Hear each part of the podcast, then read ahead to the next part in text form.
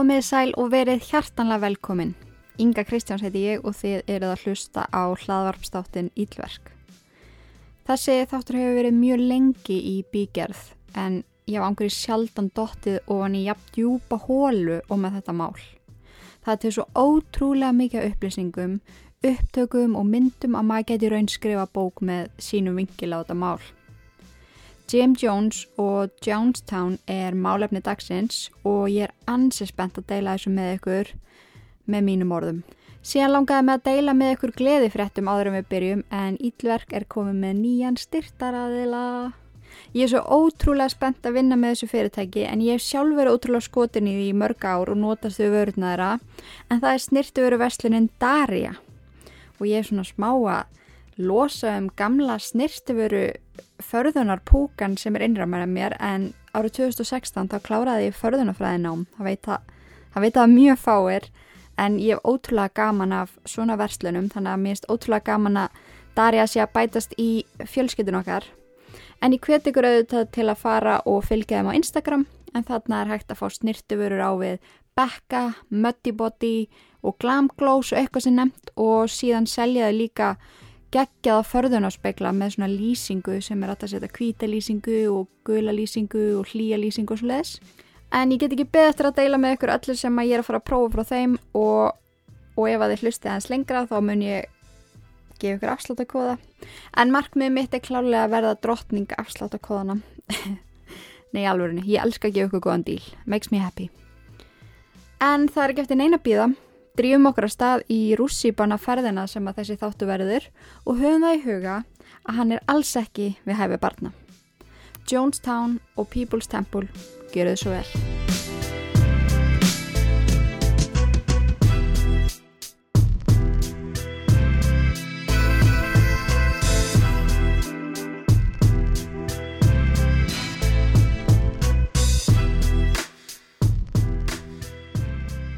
Jim Jones fættist hann 13. mæ 1931 í Krete, Indiana. Krete, Crete.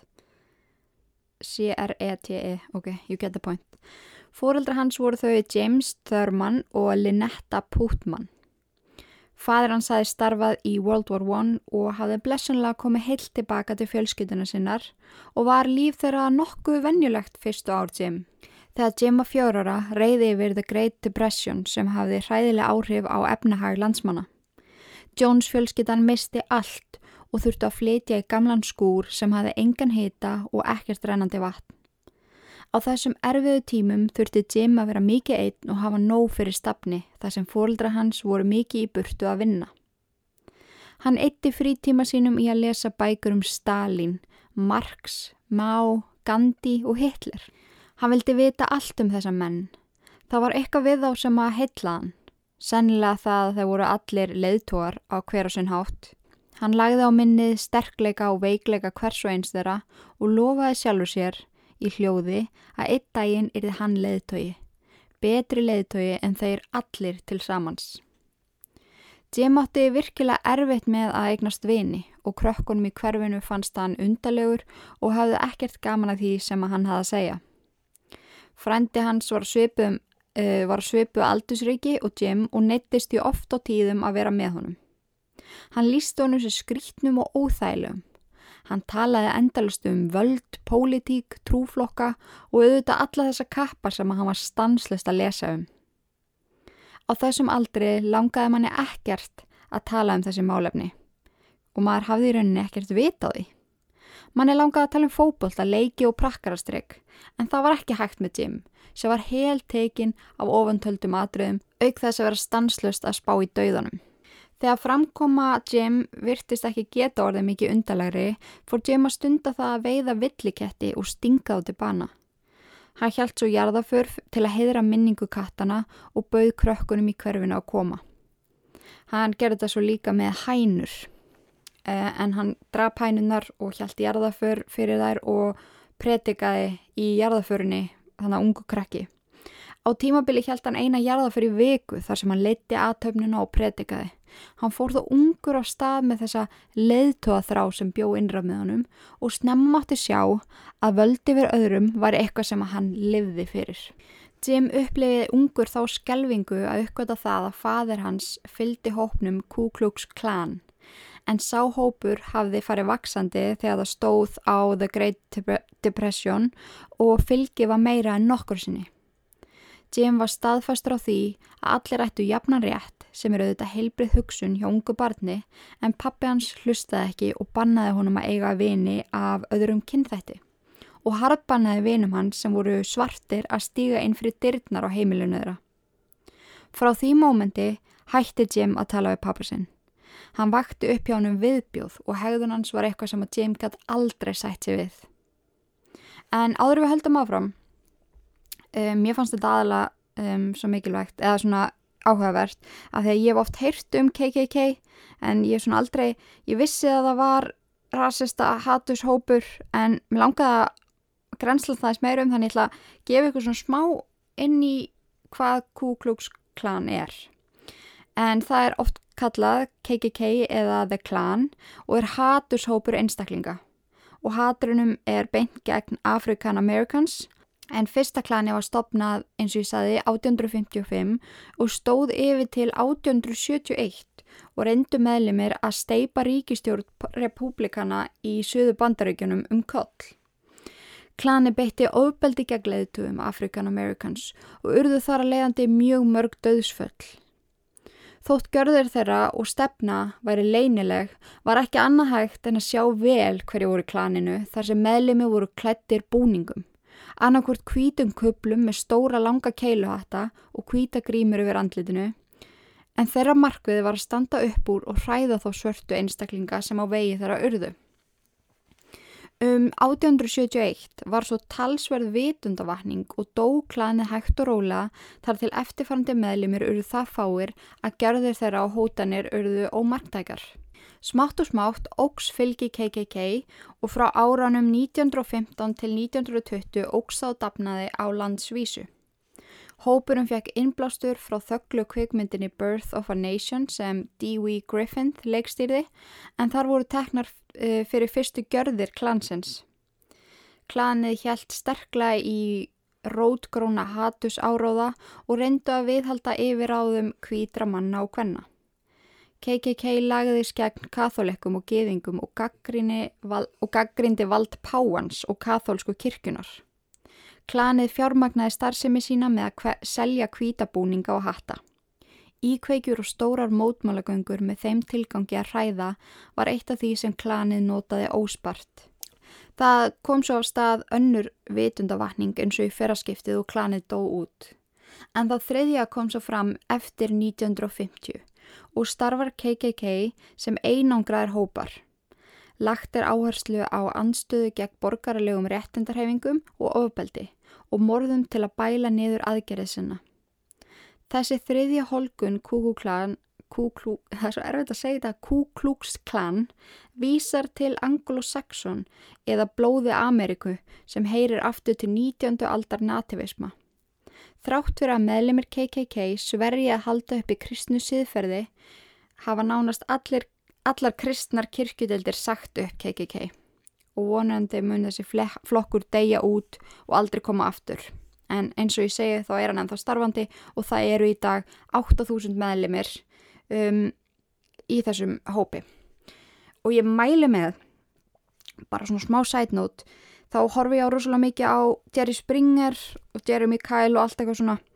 En ef að þið farið nú á YouTube og skrifi Jerry Springer KKK þá komu einu sinni meðlimir úr þessum hóp í sagt, salin til Jeffrey, eh, hérna, Jerry Springer og þetta er ótrúlega áhugaverð þáttur og ótrúlega skrítin og þetta gefur manni svona smá insýn í hvernig þeir hugsa á svo leiðis þannig að þeir geti blanda saman hvað Jerry Springer er fyndin og hvað þetta er ekki fyndið. Þannig að þeir geti kíkt á það. En mér langaði bara svona aðeins að fræða bæði mig og ykkur um þetta og hvernig, hvernig þetta byrjaði á svo leiðis En eins og kom fram áðan hafði Jim óbeitt á þessu klani og þeim sem að voru partur af því. Og þótt ótrúlegt sé fannst mörgum leiðtóahæfni Jim vera jákvæð og falleg. Hann vildi allir vera jafnir, allir ætti sömu möguleika og fólk ætti að lifa í sátt og samlendi.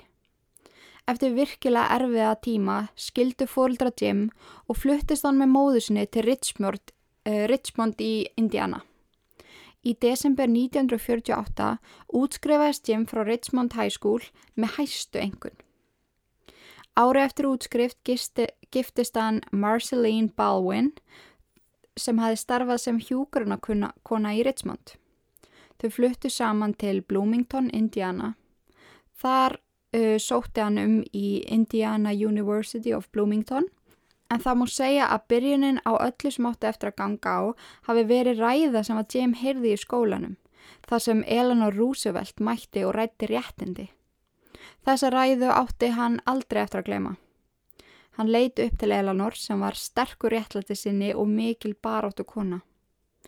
Hjónin Jim og Marceline fluttu svo saman til Indianapolis þar sem Jim náði sér í enn meiri mentun og útskrifaðist þar með framhálskólamentun árið 1961.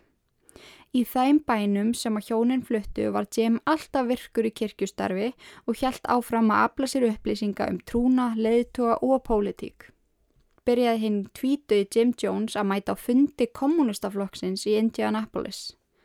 Það pyrraði Jim hversu mikið var skipt sér af fundunum og reglulega var setið um meðlemi. Þá sérstaklega það stóð á réttahöldum yfir Joseph McCarthy sem saka á þessum tíma herin um kommunisma og til og þetta var allt til fjárkúnar þeirra á melli og þetta var alveg þýlitt mikil dýl. En honu var svo öllum lokið þegar hann mætti á svont móðu sinni á fund kommunistaflokksins og innriðust menn frá FBI og ásókuða hanna fyrir framann alla sem var mikil skömm fyrir þess að þröngsínu konu.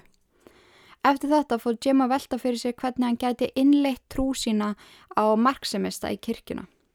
Í stuttumáli er marksi, marksimi, marksimi, já, en í stuttumáli er það hugmyndafræði sem tekur yfir stjórn, stjórnmál, heimsbyggi, sögusbyggi, hagfræði og fleiri svið fræðigreina.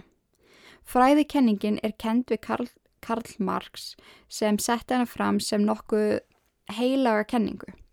Hann sótti hugmynda sínar úr þrem áttum sem voru pólitísk hag, hagfræði sem fjallaðum framleiðslu tengsl, auðmagn, gildisauka og samþjöppum egna.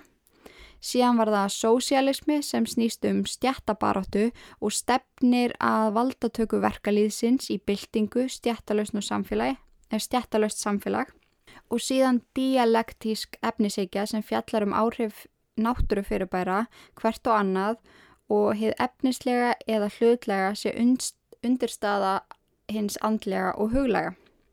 En þetta eru kenningar sem Jim vildi tilenga sér og koma inn í kommunista kirkuna. En árið 1952 gerðist hann prests nemi kirkunar en steg fljótti hliðar þegar leiðtógar hans hindruði hann í að bjóða svertingja velkomina í söpnuðin. Stuttu eftir að hann yfirgaf lærlingstöðuna var hann vittni af heilum, heilun í Seventh Day Baptist kirkjunni og þar flyktist fólk að til að fá aðstóð við hinn ímsu vandamál. Fólk var tilbúið að borga aðlegu sína fyrir slíka samkomu og þá plantaðist svo hugmynd í kollin á Jim að hann gæti persónulega náð langt í svona málum.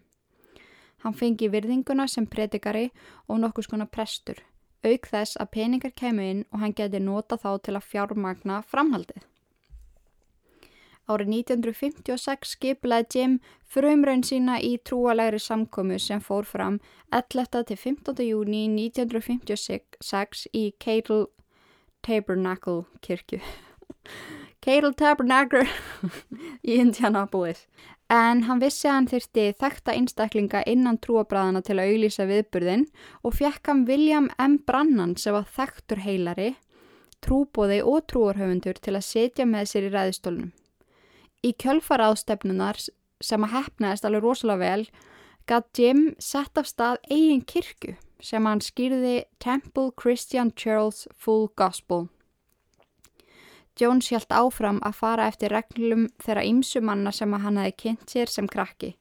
En á þessum tímabúndi náði taktik Hitlers mest til hans. Hitler var góður í að fá fólk undir hans vendavæng og fá fólk til að gera nákvæmlega það sem hann vildi. Og það var eitthvað sem Jim vildi geta gert. Eitt af því sem hann tilengaði sér fjöljótlega var að spotta óvinnina. Spotta þá sem að trúðu ekki og voru þarna einungist til að evast. Ef hann gætt komið auga á þá, gata láti óvinnina vita því að hann vissi af þeim og þannig gert á undigefna honum. Hann hugsaði allt í andlegri misnótkun. Hann vildi mastera það að geta sagt og gert það sem hann vildi og fólk myndi fylgja. Alveg eins og átrúnaða góðans Adolf Hitler. Uh, í kirkjunu sem hann var núna búin að skýra eða var eiginlega alltaf bara kallað People's Temple bauð Jim Jones alla velkomna. Stjættaskipting og kynþáttur kom dæminu ekkert við og fyrir það var honum fagnað. Af vissuleiti fagnaði Jim fjölbreytuleikanum og fyrir honum voru allir jafnir. Allavega á þessum tímpundi.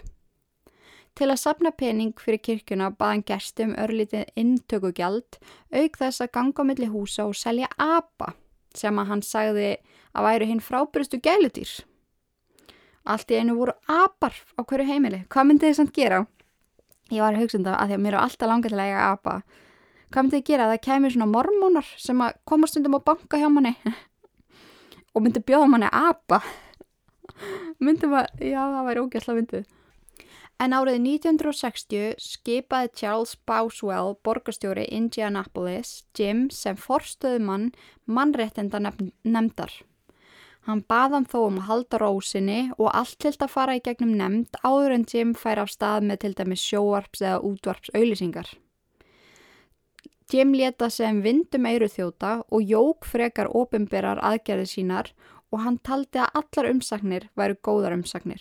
Svo fundi NAACP og Urban League sem er landsambönd litaðra einstaklinga ætlaði allt, ætlaði allt um koll að keira þegar hann öskraði við salin Let my people go. Og það var búið að pyðja hann um að segja neitt.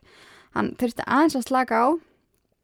En það klöppuði allir fyrir honum. Það fannst hann, á þessum tímabúndi fannst öllum James Jones geggjaði náðungi það voru svona nokkru efarsemda menn en þeir voru það fáir að þeir voru bara talar í kaf eða sögðu eitthvað. Og það voru bara mjög háttvirtir þingmenn og þingkonur og fólk um allan heim sem að var að heyra á þessu manni og bara hvaða fokkin mistari er þetta.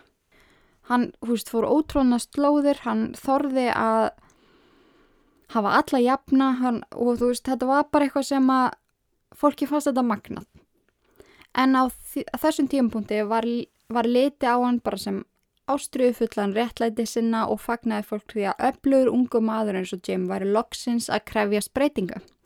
Svo hann var ekki rekin úr stöðu sinni fyrir að óhlýðnast borgastjóra og öðrum í stjórnanemdini.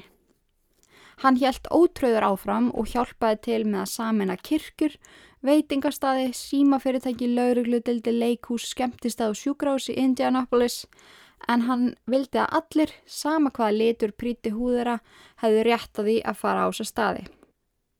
Svo þegar komu upp atvik eins og þegar hakakrossar voru málar og hús svartra fjölskyldna, gekk hann á milli og huggaði fólkið og kvatti hvita fólkið í hverfinu til þess að vingast við þá svörtu. Öll væri við systur og bræður og enginn eftir skilið uh, slíkan hatur. Það kom svo upp þegar Jim vektist og var lagður inn á sjúkrahús að hann var settur inn á álmu með svertingum því öll hinn herbyggin voru full. Ok, smá sætnót mér finnst að erfitt að segja alltaf svertingar en ég bara, þetta er bara svona í sagan. Mm, og, hann, og þetta var á þessum tímabúndi þá var fólk á móti svertingum. Mér finnst það ógæslega gamaldags að vera að segja þetta en ég bara segja ykkur söguna eins og hún er og ég elska alla þið veitir það því. Um, já, hann vektist og hann var settur inn á álmi með svertingum því öll hinn herbyggjum voru full og hann neytaði að vera færiður þótt að losnaði hérna herbyggi inn á gangi þeirra kvítu og hjálpaði hann við að búa um rúm og þrýfa herbyggi svartu einstaklingan á sjúgrásinu.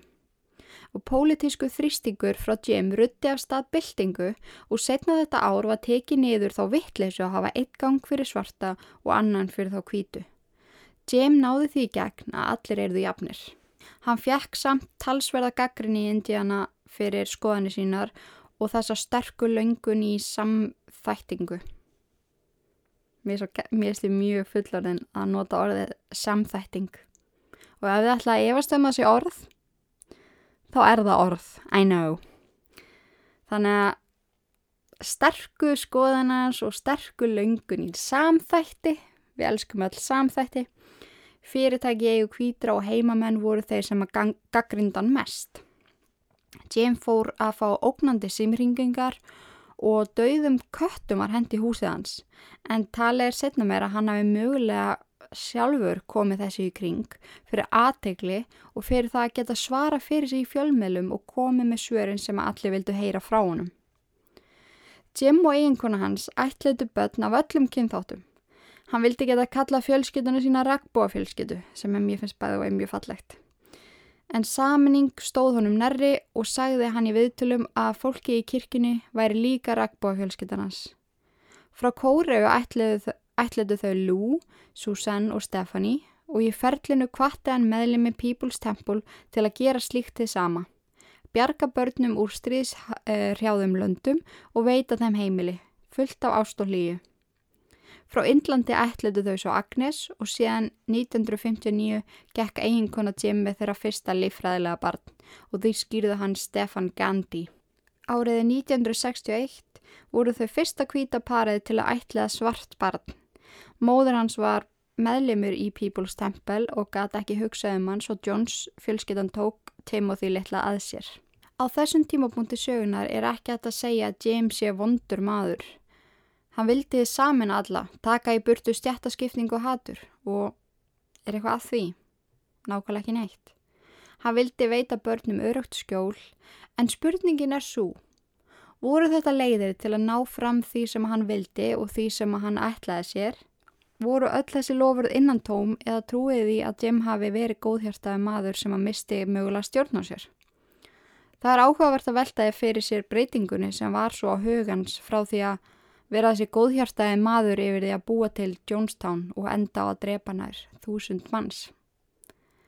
En við skulum ræða það betur eftir örstutapásu og heyra nokkur orð frá glænja styrstaraðala þáttarins. Darja, gera þau svo vel.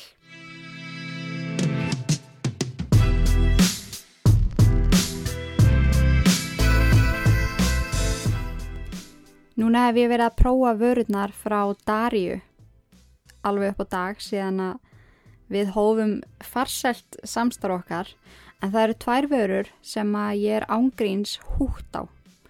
Uh, ég er með ansileðilega húð, hún er þurr og oily til skiptis en ég er eina af þeim sem að meika ekki hafa mikinn farða á mér. Ég vil bara setja smá undir augun og róða og hafa húðina bara svona ljómandi. En mér langar að segja ykkur frá tveim vörum í þætti dagsins sem að ég er búin að vera að nota óstjórnlega mikið. Ég er svo ótrúlega ána með þar. Annars vegar er það concealer sem heitir Light Shifter Brightening Concealer. Og hann er algjörlega frábær. Hann er frá Becca. Og ég set hann undir augun, ég set hann að róða og svo leiðis og hann gefur hann ótrúlega fallega ljóma. Hann einhvern veginn uh, gefur húðinu ótrúlega mikið raka og coverage. En ekki allt og mikið coverage. Mér líður aldrei eins og ég sé mig farða þótt ég sé með á mér. Og ég er mjög pikki með concealer hann verður að virka fyrir mig og hann má ekki fara í klessur og svo leiðis þannig að ég er algjörlega að elska þennan. Og ég ykkur tíma lofaði ég því þegar ég byrjaði á samfélagsmiðlum að láta ykkur alltaf vita þegar ég finn góðar húðvörur því að þær eru bara oft erfitt að finna. Þá sérstaklega þegar maður er kannski með svona smá erfiða húð þannig ég mæli klárlega með að kíkja á hann concealer frá Becca. Síðan er ég með rakakrem frá Glam Glow sem heitir Waterburst Hydrate Glow Moisturizer. Þetta er blá krukka og þetta ilmar eins og After Eight. Og þetta ber ég á mig áður en ég set á mig concealerinn. Og þetta veitir þennan ótrúlega næs og svona ljómandi raka. Þetta verða að vera svo falli áferðinu húðinni. Auk þess að þetta gefur húðinni raka allt upp í 72 klukkutíma og verði gegn frostinu. Og það sem ég elska við það er að það fer líka fljóttin í húðina, þetta er ótrúlega létt krem þannig að er, maður getur græja sig með þessum tveim vörum á 5 minútum og svo enda ég bara á að setja smá sólapúður og þá er ég bara góð fyrir daginn, fullkomi make-up fyrir mig. En endilega kíkið á glamglóvörurnar og bekkavörurnar sem að fást meðal hellingavöðru hjá Darju Verslun. Og skemmtilegt nokk með kóðanum Inga Kristjáns 15 fáiði 15% afslátt af öllu inn á Darja.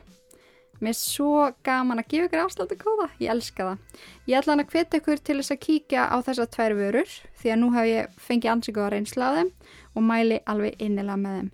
Ég skelli svo myndum að þeim inn á Instagrami mitt og inn á Facebook síðu ílver. Endilega nýtið ykkur afsláttu kóða minn Inga Kristjáns 15 fyrir 15% afslátt af öllu inn á daria.is.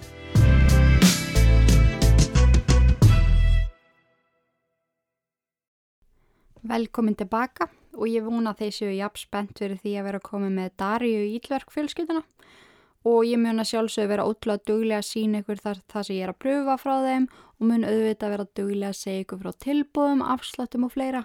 Kanski platta ég þau í gjafaleika eitthvað, við skulum hafa svolítið skemmtilegt. En þar sem að ég er að prófa rosalega mikið á vörum og, og bara fæ þann heiður að prófa alls konar þjónustu uh, hjá fyrirtækjum sem er að hjálpa mér með hana þátt þá er ég að sína frá því á Instagraminu mínu. Það eru mörgi sem að spurja með því bara eitthvað já ok, þú veist hvernig getur við séð meira á því sem þú ert að gera? Þannig að þið getið ykkur velkomið að fylgja mér á Instagram. Þar heiti ég bara Inga Kristjáns hvort að ég heiti Inga Kristjáns D minni mig. Og þar getið séð frá þessu öllu saman og þar er ég ofta líka bara sína behind the scenes því ég er að búið til þættina og fleira síðan getið auðvitað farið inn á Facebook-grúpuna mm, Ílverk já, hún heitir bara Ílverk Wall er ég eitthvað utan við mig, ég man ekki hvað neitt heitir.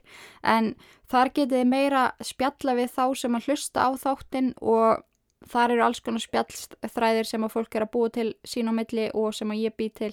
Þannig að þar getið kannski leita meira þáttinn og svo Instagram þá getið skoða meira um þá sem er að vinna með mér uh, í þættinum En ég vel rúslega vel þegar kemur af samstarfsaðalum og þetta er allt fyrirtæki sem ég hef haft samband við sjálf af því að mig langar að vinna með þeim.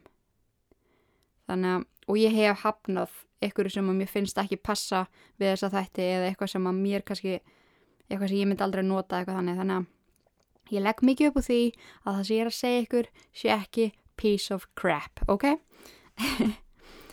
en allavega, James Jones, við skulum halda áfram. Ég er að segja ykkur að ég geti tala endalaust um ekki neitt. En 1962 þá ferðast Jim með alla fjölskytuna sína til Brasilíu. Hans plan var að opna nýja People's Temple kirkju en áður en hann fótti Brasilíu kom hann við í Guyana sem var þá bresk nýlenda. Jim og fjölskytta hans leiðu þryggjaherbyggja íbúð í Belo Horizonte í Brasilíu og hafði hann hugsað sér að kynna sér samfélagið áður en hann fyndi góða staðsynningu fyrir kirkuna. Það reyndist honum erfitt að miðla sinni þekkingu til lokalsins vegna tungumála örðuleika, en hann var fljótur að finna sér tólk sem að gæti hjálpa honum. Jim passaði að vera ekki ofa aggressífur þegar að komaði að uh, hann var í kommunisti. Það geti verið hættilegur vettvangur svona fyrstum sinni í nýju landi. Hann talaði því meira um samfélagslegan lífstíl á léttunótonum og tilengaði sér frekar kenningar Castro frekar en Marx að þessari stundu. En það gekk bröðsula fyrir hann að fóta sig í Belo Horizonte svo hann færði sig um fett með fjölskytuna og komuð þau sér fyrir í Ríó. Þar sem að hann var að vinna, eða húst fólki sem að hann var að vinna mest með byggu við mikla fátækt og beindi starfsemi sinni af hverfunum sem voru kölluð slums. Eftir að hafa dvalið þar í nokkuð tíma var haft samband við hann frá Indianapolis og sagt að kirkjan væri ekki að virka án hans og ef hann kæmi ekki tilbaka er það að loka henni, svo hann snýri aftur heim. Árið 1963 ferðaðist hann aftur til Brasilíu. Hann sagði við söpniðin í Indianapolis að heimurinn erið brátt upptekinn af kjarnorkustríði sem ætti að fara fram 15. júli 1967. Til þess að þeirri söpniðinum erðu öryggir þurft að flytja alla meðlemi til Norður Kaliforníu í skjól. Hægt og rólega fluttist People Temple þangað og allir meðlemir sapnarins fylgdu með, allavega flestir. Samkvæmt trúabræða prófessornum Catherine Wessinger talaði Jim alltaf um degður hans sem fagnaðar erendi. En hann valdi að leina því að fagnaðar erendið væri í raun kommunismi. Spurning af hverju hann kaus að leina því. Hann talaði um í predikurum sínum að þú fæðist í kapitalískri Ameríku ertu rasisti og fasisti og í Ameríku þá fæðistu í synd. En ef þú fæðist í sósialisma þá fæðistu ekki í synd. Það var því ansið rugglandi þegar hann blandaði þessu öllu saman og fólk vissi ekki alveg hvert hann var að stefna með á þessum tímapunkti.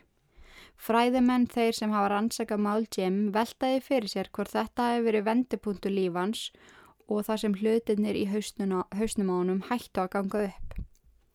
Snemma áttunda áratögnum byrjaði Jim að líka kristni trú við fuggl sem flýji burtu þegar á reyndi. Hann hafnaði biblíunni og kallaði hann að tæki til að kúa konur og svertingja.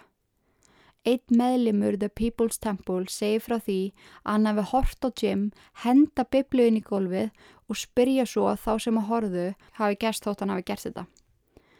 Hvort að hefði nokkuð komið eldingar af himnum ofan frá þessum svokallaða Guð. Guð á himnum sem var ekki eins og góðu maður eftir allt saman. Hann sagði að hann var í endurholkun Gandhi, Sierra Divine, Jésu, Buddha og Vladimir Lenin. Fyrrum þingmaður Hugh Fortson Jr.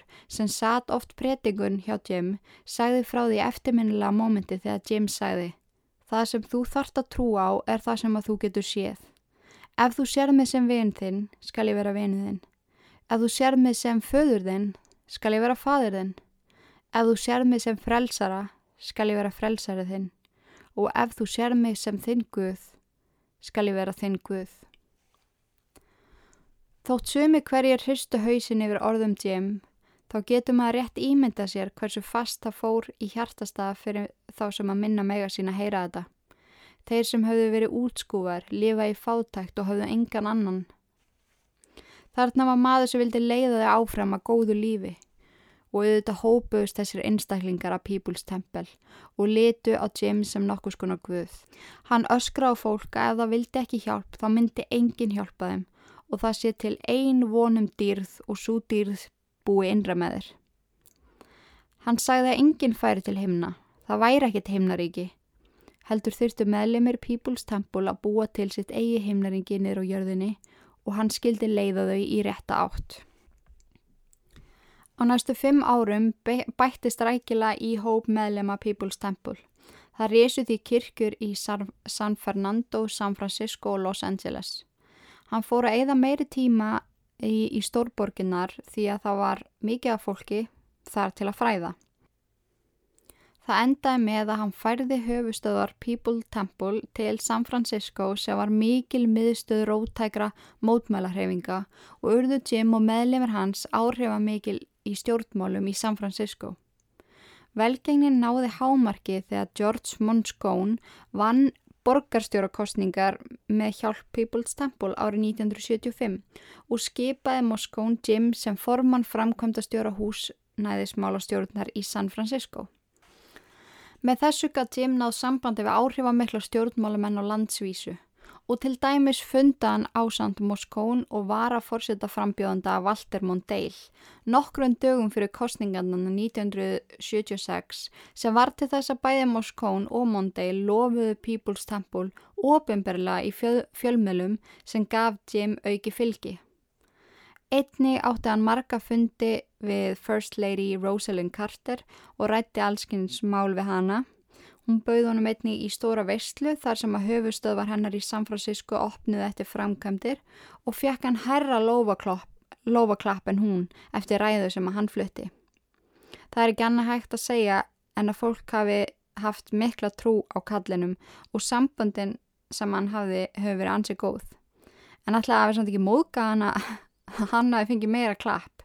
Hún var að opna höfustöðar fyrir starfsfólki sitt og sína yði og svo kemur eitthvað kall með sólgleru og allir missa sig. Nei, ég bara spá. Í september 1976 var haldinn vikslu aðtöfn fyrir Jim. Þanga mættu stórlagsar á borð við Jerry Brown ríkistjóra, Merwin Dimley, sælabankastjóra og hann var lofaður allt kvöldið og Brown sagði einmitt við Jim yfir mataborðið. Þegar þú lítir í speil á mótnana, ætti þú að vera stoltur.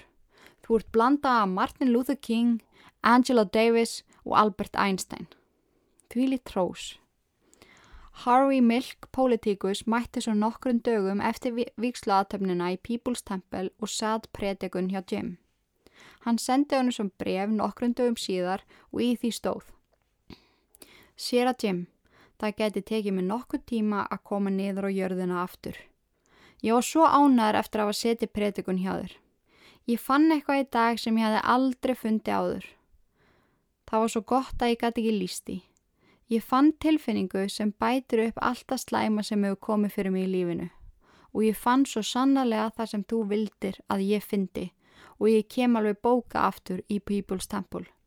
Frá maður þessum dagi mun ég aldrei gleima og aldrei yfirgefa þig. Að já, það var alveg stórir kallar að rósunum endalust.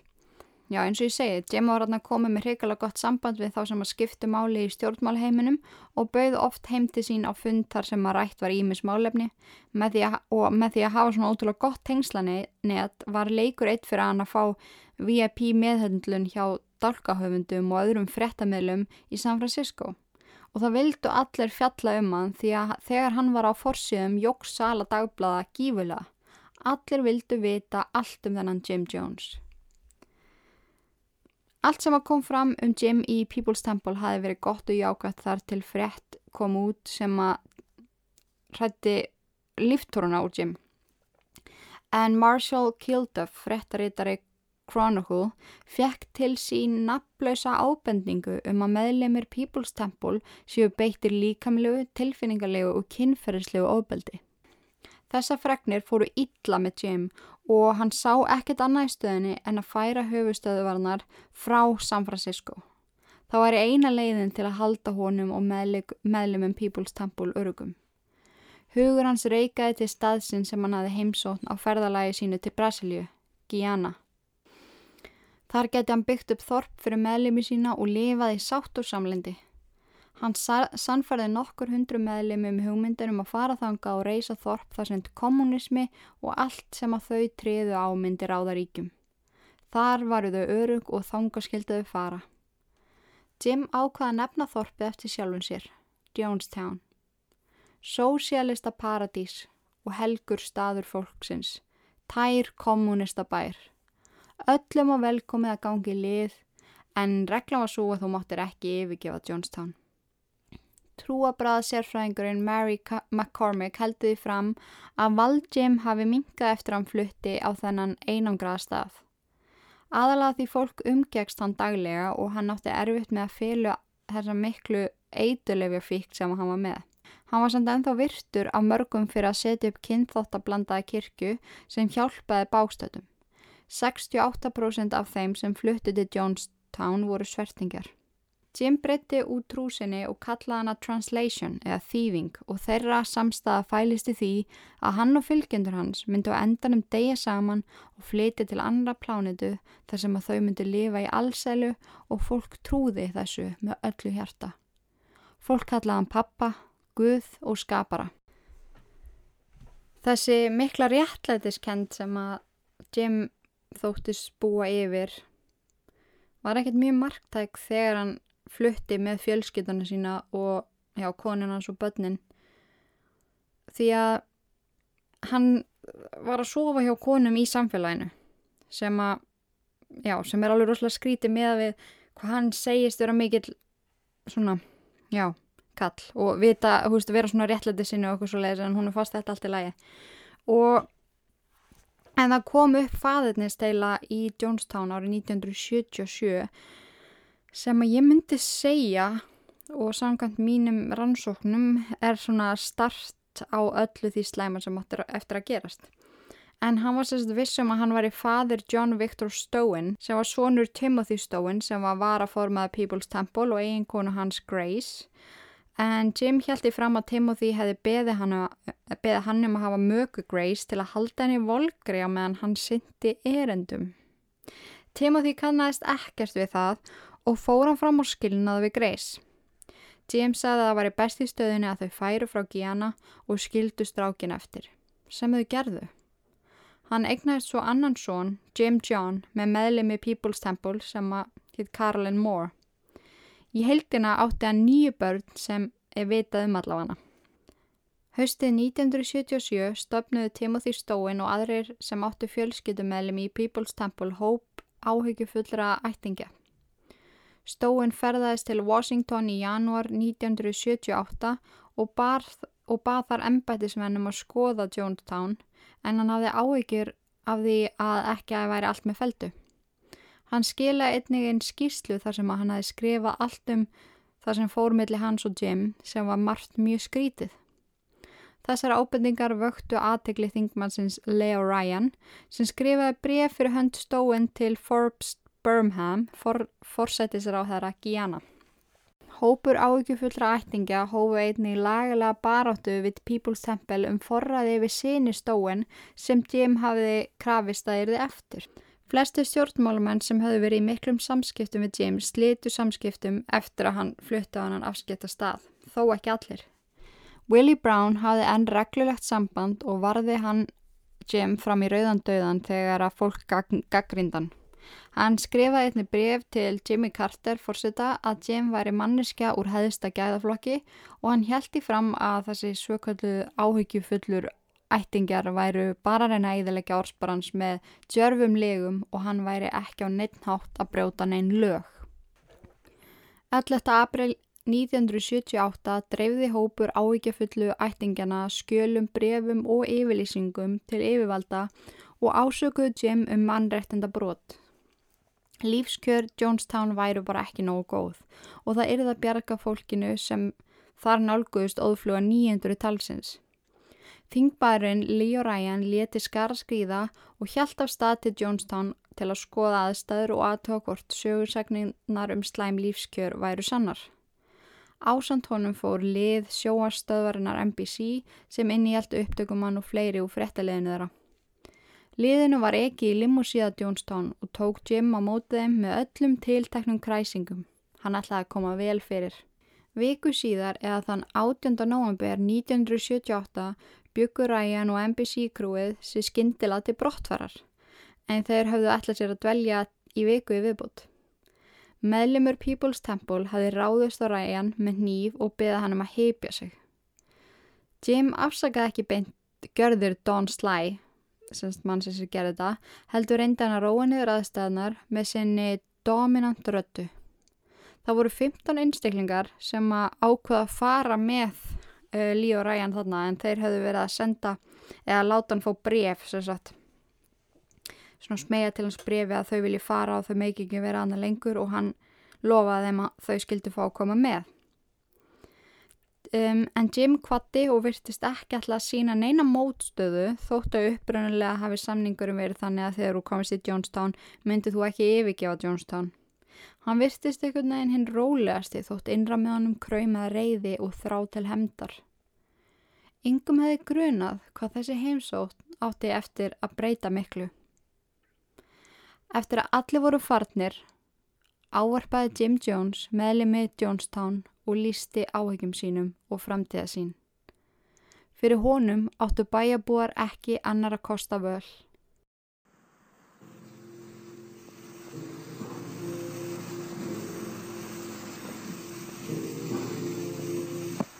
How very much I've loved you. How very much I've tried my best to give you a good life.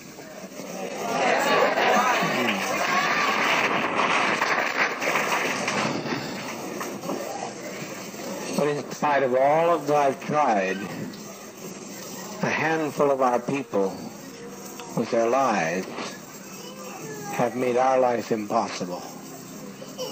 There's no way to detach ourselves from what's happened today. Not only we're in a compound situation, not only are there those who have left and committed the betrayal of the century, some have stolen children from others and they're in pursuit right now to kill them because they stole their children. And we, we are sitting here waiting on a powder keg. I don't think this is what we want to do with our babies.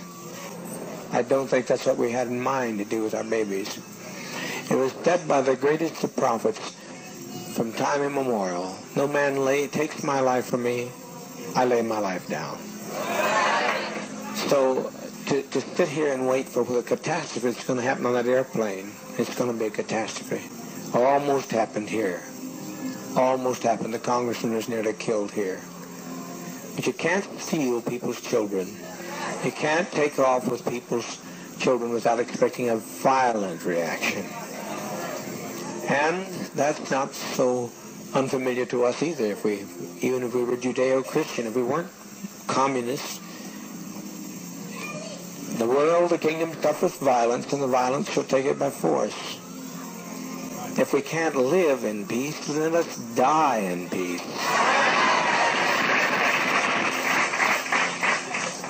We've been so betrayed. We have been so terribly betrayed.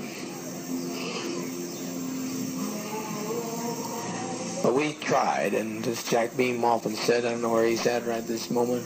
Where's Jack? He said, if this only worked one day, it was worthwhile.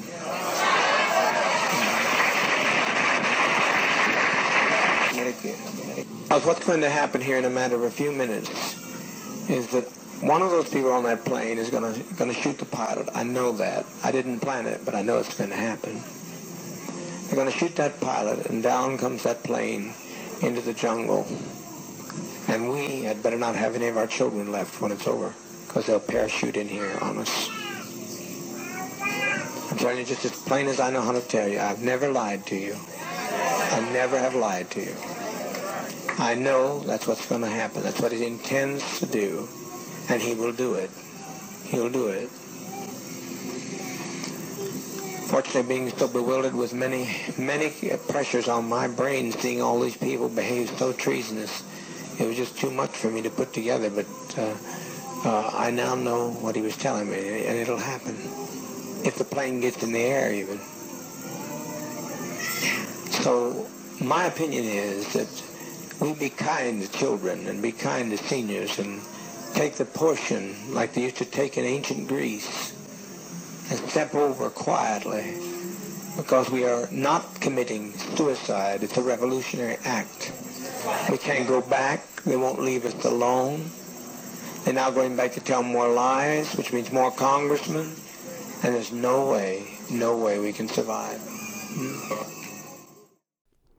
Rétt eins og James sagði þegar hann áverpaði meðli með People's Temple komu keirandi að flugulinu menn sem Jim kallaði Red Brigade.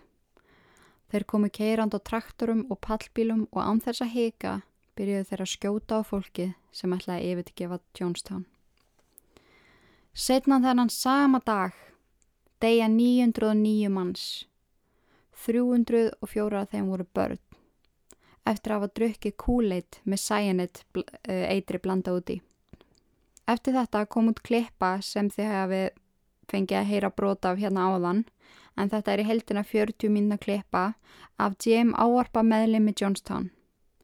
Þegar klippan er hálnuð eru heilu tunnunum á kúleit blanda við vatn og sæjanit. Hann rantaði um hvernig þingmaðurinn hefði eigðilagt allt og hversu margir myndur reyna að ráðast inn í friðsela þorpiðara eftir þetta. Drepa börnið þeirra á gamla fólkið. James sagðist elska þau ómikið til að leifa því að gerast. Mér döði langar að setja alla klippinninga inn. Ég var í alveg útrúlega lengi að gæla við það en ég held að það sé betur að þau hlusti bara á hana. En set, já, ég setja hana bara inn á Facebook-hópin þannig að þau geti kannski að hlusta núna á hann alla en það er svona besta, ég fekk ótrúlega mikla hjálp frá fullta fólki við hennar þátt sem að uh, sendi mér alls konar klippur en þetta er svona mesta gæða klippan sem að ég fann, þú veist, þannig að þú heyrir alveg um, þegar hann er að tala og þetta er kallast death tape. En hann hótaði því að eftir að þeir sem að ætliði fljóðleina hefðu verið skotnir væri engin leið út úr þessu fyrir þau. Ef þau gæti ekki lifa í friði vildu þau fá að deyja í friði Hann hafi logið því að þau gætu öll flutt til Rústlands ef eitthvað kemi fyrir bæin þeirra og honum hafi verið útlötaðar einhvers konar kóði sem hann átt að senda út þegar þau þurftu hjálp.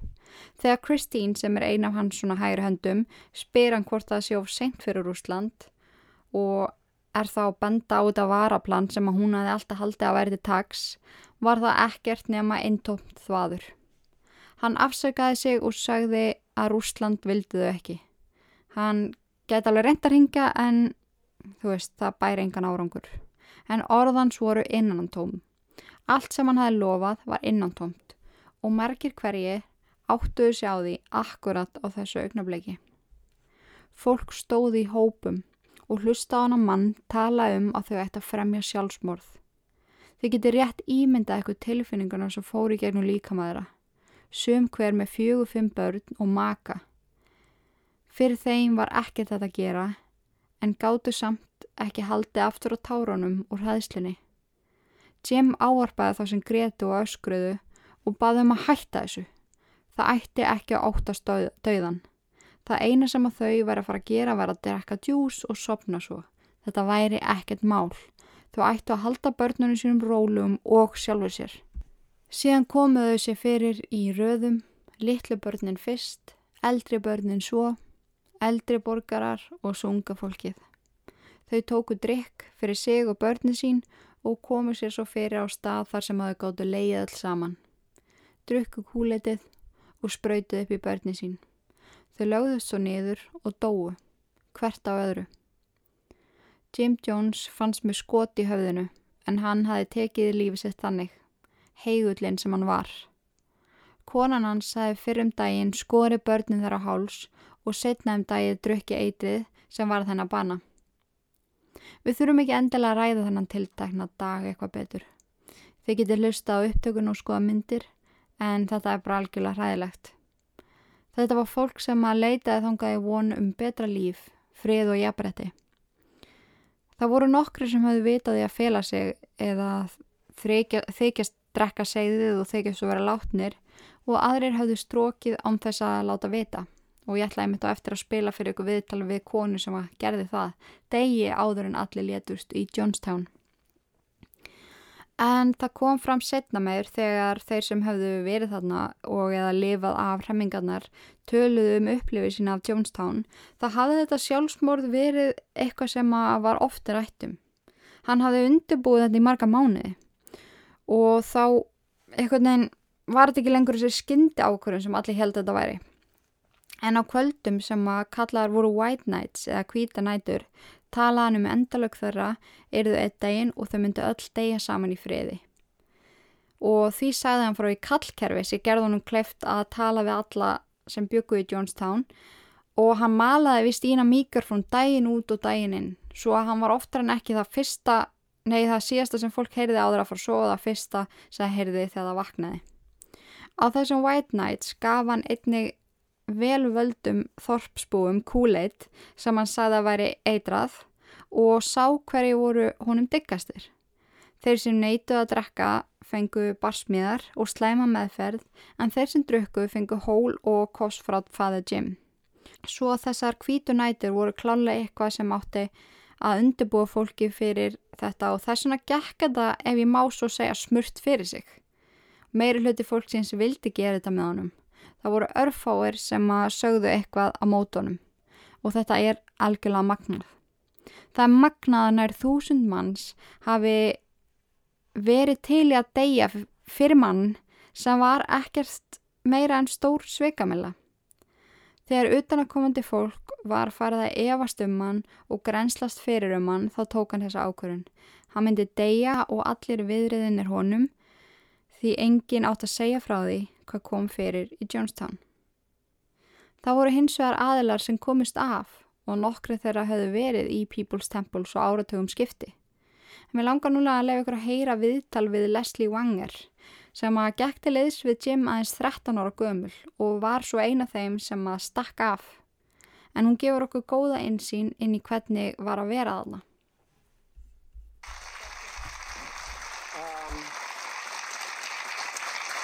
First of all, I, I, must ask you, for you personally, what, what, was the attraction with this People's Temple idea? What was the what attracted you?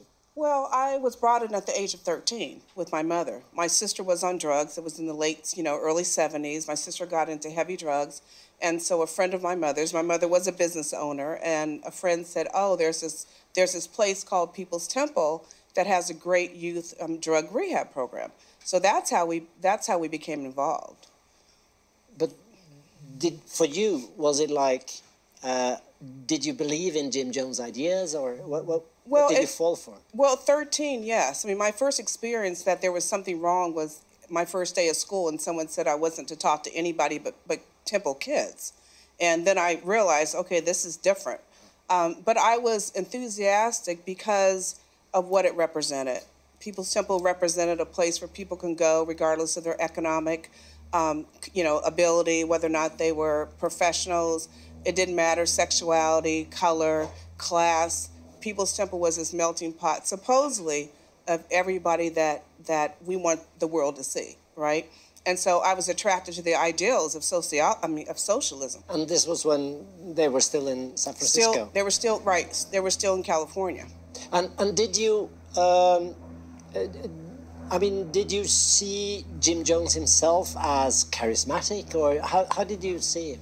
Jim was both charismatic and frightening because on one end he could talk to you like he knew everything about you that he could he could show you so much love and then on the, and then the next time he's telling someone to beat you because you slept during a, a service or you talk back to someone so he was charismatic because he could speak and he could relate to anybody in that audience audience whether it was a revolutionary whether it was a professional whether it was someone that was religious atheist he he touched everybody he just he had that ability Why did why did this community move from California to Jonestown?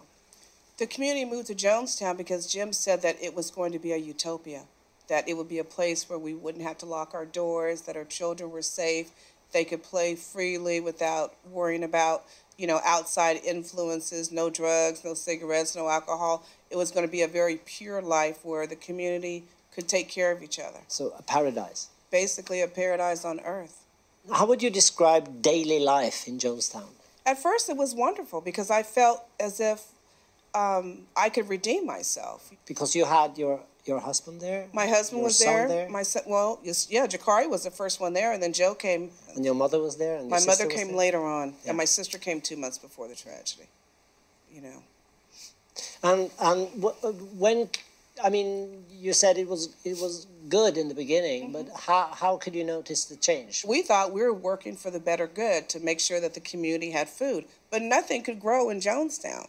The, they had they had they had ruined the topsoil, and so basically, it ended up being rice every day. You know, rice three times a day, and then Jim became more paranoid, and so the so the community started changing. This is a story about suicide.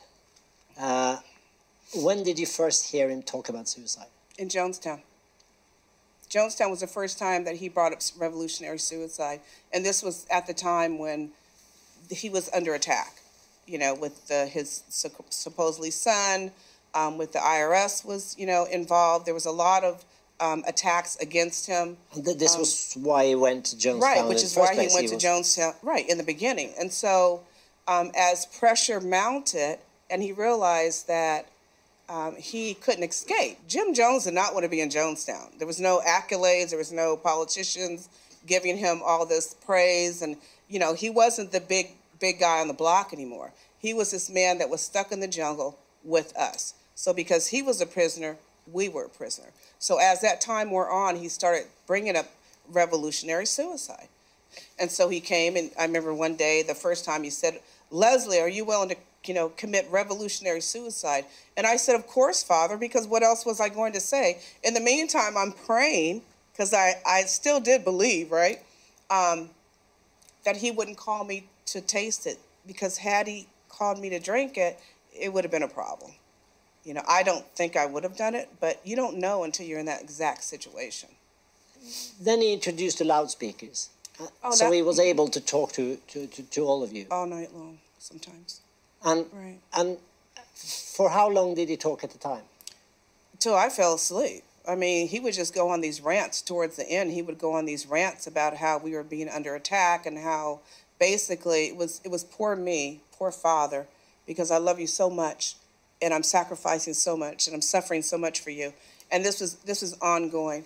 So he was slowly breaking down our spirits.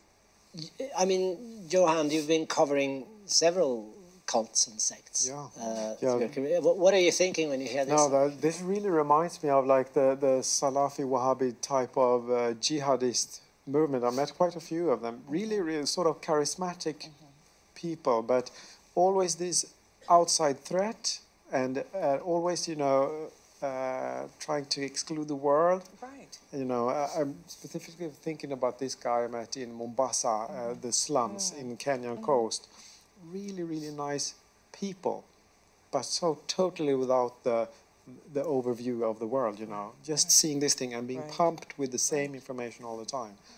People couldn't really trust e- trust each other. No. Could could one? No. And Did so, you have informants? Oh yes, yes, and and because I befriended someone slowly, feeding a little bit of this. You know, how do you feel about this? Oh, I don't know the food. Testing the waters, and I said I want to go. Well, I'm married to Joe Wilson, right? And security, and so he was your husband was security. yes, yes. So you couldn't talk to your husband No, about your no, no. He had, no. I couldn't talk to my husband anymore. He was totally just wrapped up.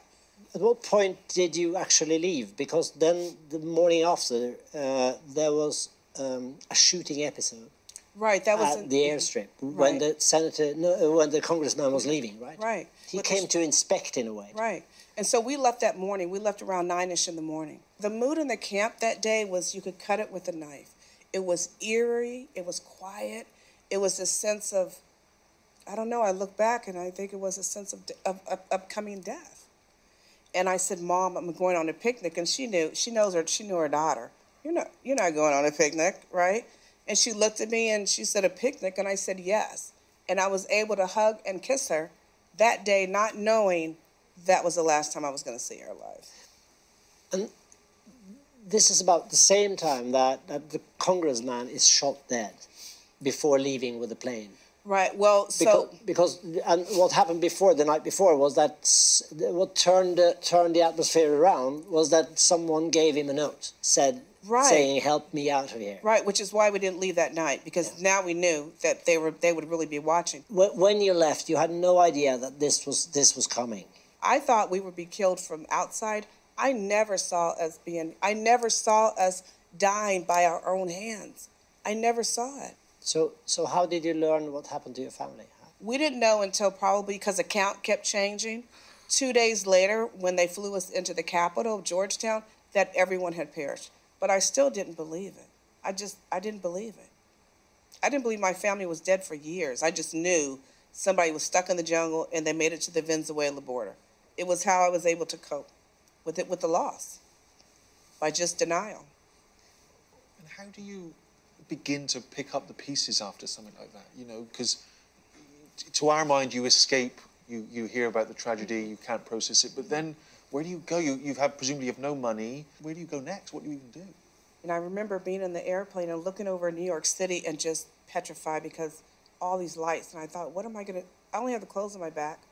What am I going to do? And then how are people going to perceive us? Because here's all these black folks that went into the jungle, followed this white dude, right? And something's wrong. You know, what's wrong with them? Well, my dad was white, so I didn't look at Jim as any different. But that's what that's what they're saying. We I hadn't seen a newspaper yet to see the stories that were being told. Um, and so I was petrified. I went to my aunt, you know, went to my, my mother in law's. And I kid you not, I was looking for a job two weeks later. I was in New York City applying for jobs. So when they said, Where have you been? I said, Oh, we were overseas. My, my husband was a, was a international correspondent or some lie I told, right? and then he was killed. And they're like, Oh my gosh. And, you know, I was applying for jobs. Two weeks later, I hadn't even processed this. I really needed someone to grab my hand and take me somewhere so I can decompress. Did you know, did you did I mean you you you had your father. I had my father, but my father, when I called my father from Georgetown, Guyana, and the first thing he said was, How come you didn't get your brother out? So that's survivor's guilt. So I now I'm an orphan basically. I'm like I'm just an orphan. Um, and God bless my dad. My dad died of a broken heart. You know, um, he suffered tremendously behind this loss, um, and so you know, I had dad for a while, but it was kind of a superficial relationship. You know, he loved me, but he hated me, I think. Um, and so I just kept pressing on, and I just, you know, I got into a lot of things. I was very destructive because honestly, I did not want to be here. I did not want to live. Every day was was was horrible. Trying to, I mean, just get up. I'm like, oh my god, I can't believe I'm still here. You know, I wanted somebody to take me out because I, I wasn't going to do it myself, but I was in so much pain and I didn't get any help. And so I internalized all that. Did did you you talk about survivor's guilt? Did you also feel shame? I felt shame because yes, because we came back to the states, the newspapers were brutal. You know, oh, the stories that were coming out. You know, the sex cult, the this, the that. You know, and and so I, we didn't. I didn't tell anybody. I changed my name. You know, and I had a couple close friends that had been in the church, had been in People's Temple, and that's it. And I just kind of went underground. So for 20 years, it took me about 20 years to really talk about it. Um, but I suffered through it, and finally I can tell you exactly when it was because in 2007, I made a decision to heal. And the way I did that was to forgive Jim Jones. And once I was able to forgive Jim Jones, I was able to forgive myself.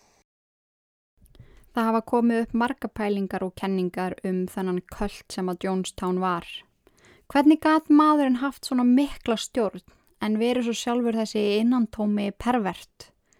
Það hefur komið upp setna meira að hann hafi haldið við margar konur utan hjónabandsins hans og svaf hjá vendiskonum og mönnum og átti það til að runga sér á public stöðum og var tviðsvar handtekinn fyrir það. Ekki að skipti máli kynneið mannsins en það er bara svo margt sem að gæti að spilað inn í allt sem gerðist.